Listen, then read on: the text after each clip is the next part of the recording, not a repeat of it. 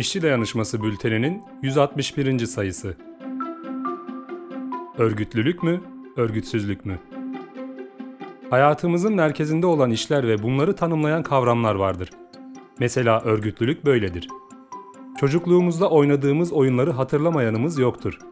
Kuralları koyar, ekipleri kurar, arkadaşlarımızla aramızda oluşan bağ hiçbir kuvvetin yenemeyeceği hissine kapılırdık.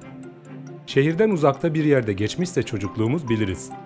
Ekilen bitkiler aylar boyunca bakım ister, su ister ve nihayetinde meyvesini verir. Toprağa ekilen ürünün mahsulü hep birlikte biçilir.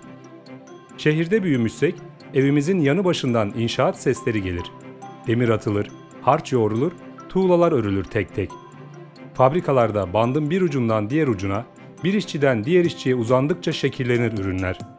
Yani bir çocuk oyunundan ekmek parasına yaşam her alanda örgütleniyor, örgütlenerek ilerliyor. Taş taş üstüne kendiliğinden konmuyor. Emek veren eller üretiyor tüm zenginliği. Peki hayatımızın tam orta yerinde örgütlenmek varken sorunlarımızı çözmek için neden örgütlenmeyiz? Hatta kimileri neden bu kelimeyi sakıncalı bulup ağzına almaz ve korkar?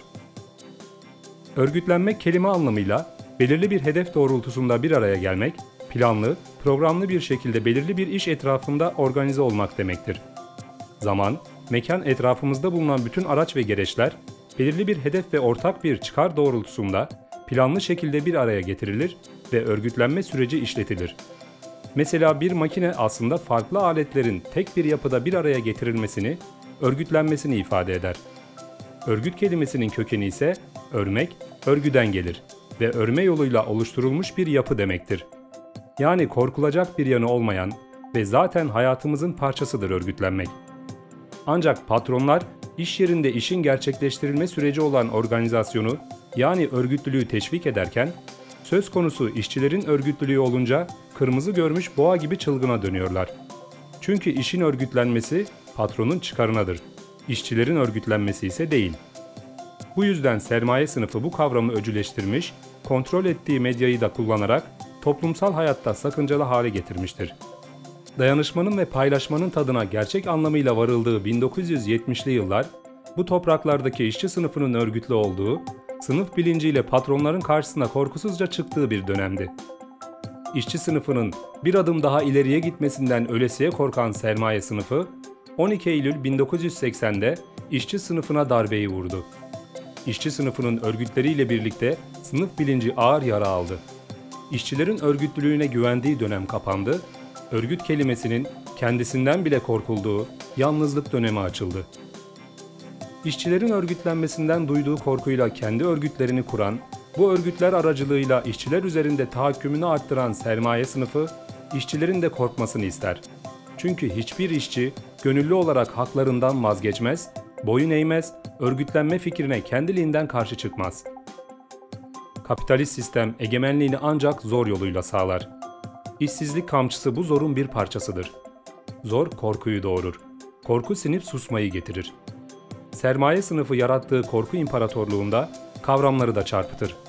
Örgüt kelimesinin önüne terör, bölücü sıfatlarını yapıştırır. Hakları için örgütlenmeye çalışanları ise vatan haini olarak damgalar. Patronların örgütlenme özgürlüğü sınır tanımazken, işçilerin örgütlenme özgürlüğü kalın duvarlara çarpar. Yasadaki örgütlenme özgürlüğü işsiz kalma özgürlüğü kadardır. Her an işten atılma korkusu işçiyi bir araya gelme fikrinden uzaklaştırır. Her seferinde işsizlikle cezalandırılmak istendiği için örgütlenmek işçiyi ürkütmeye başlar.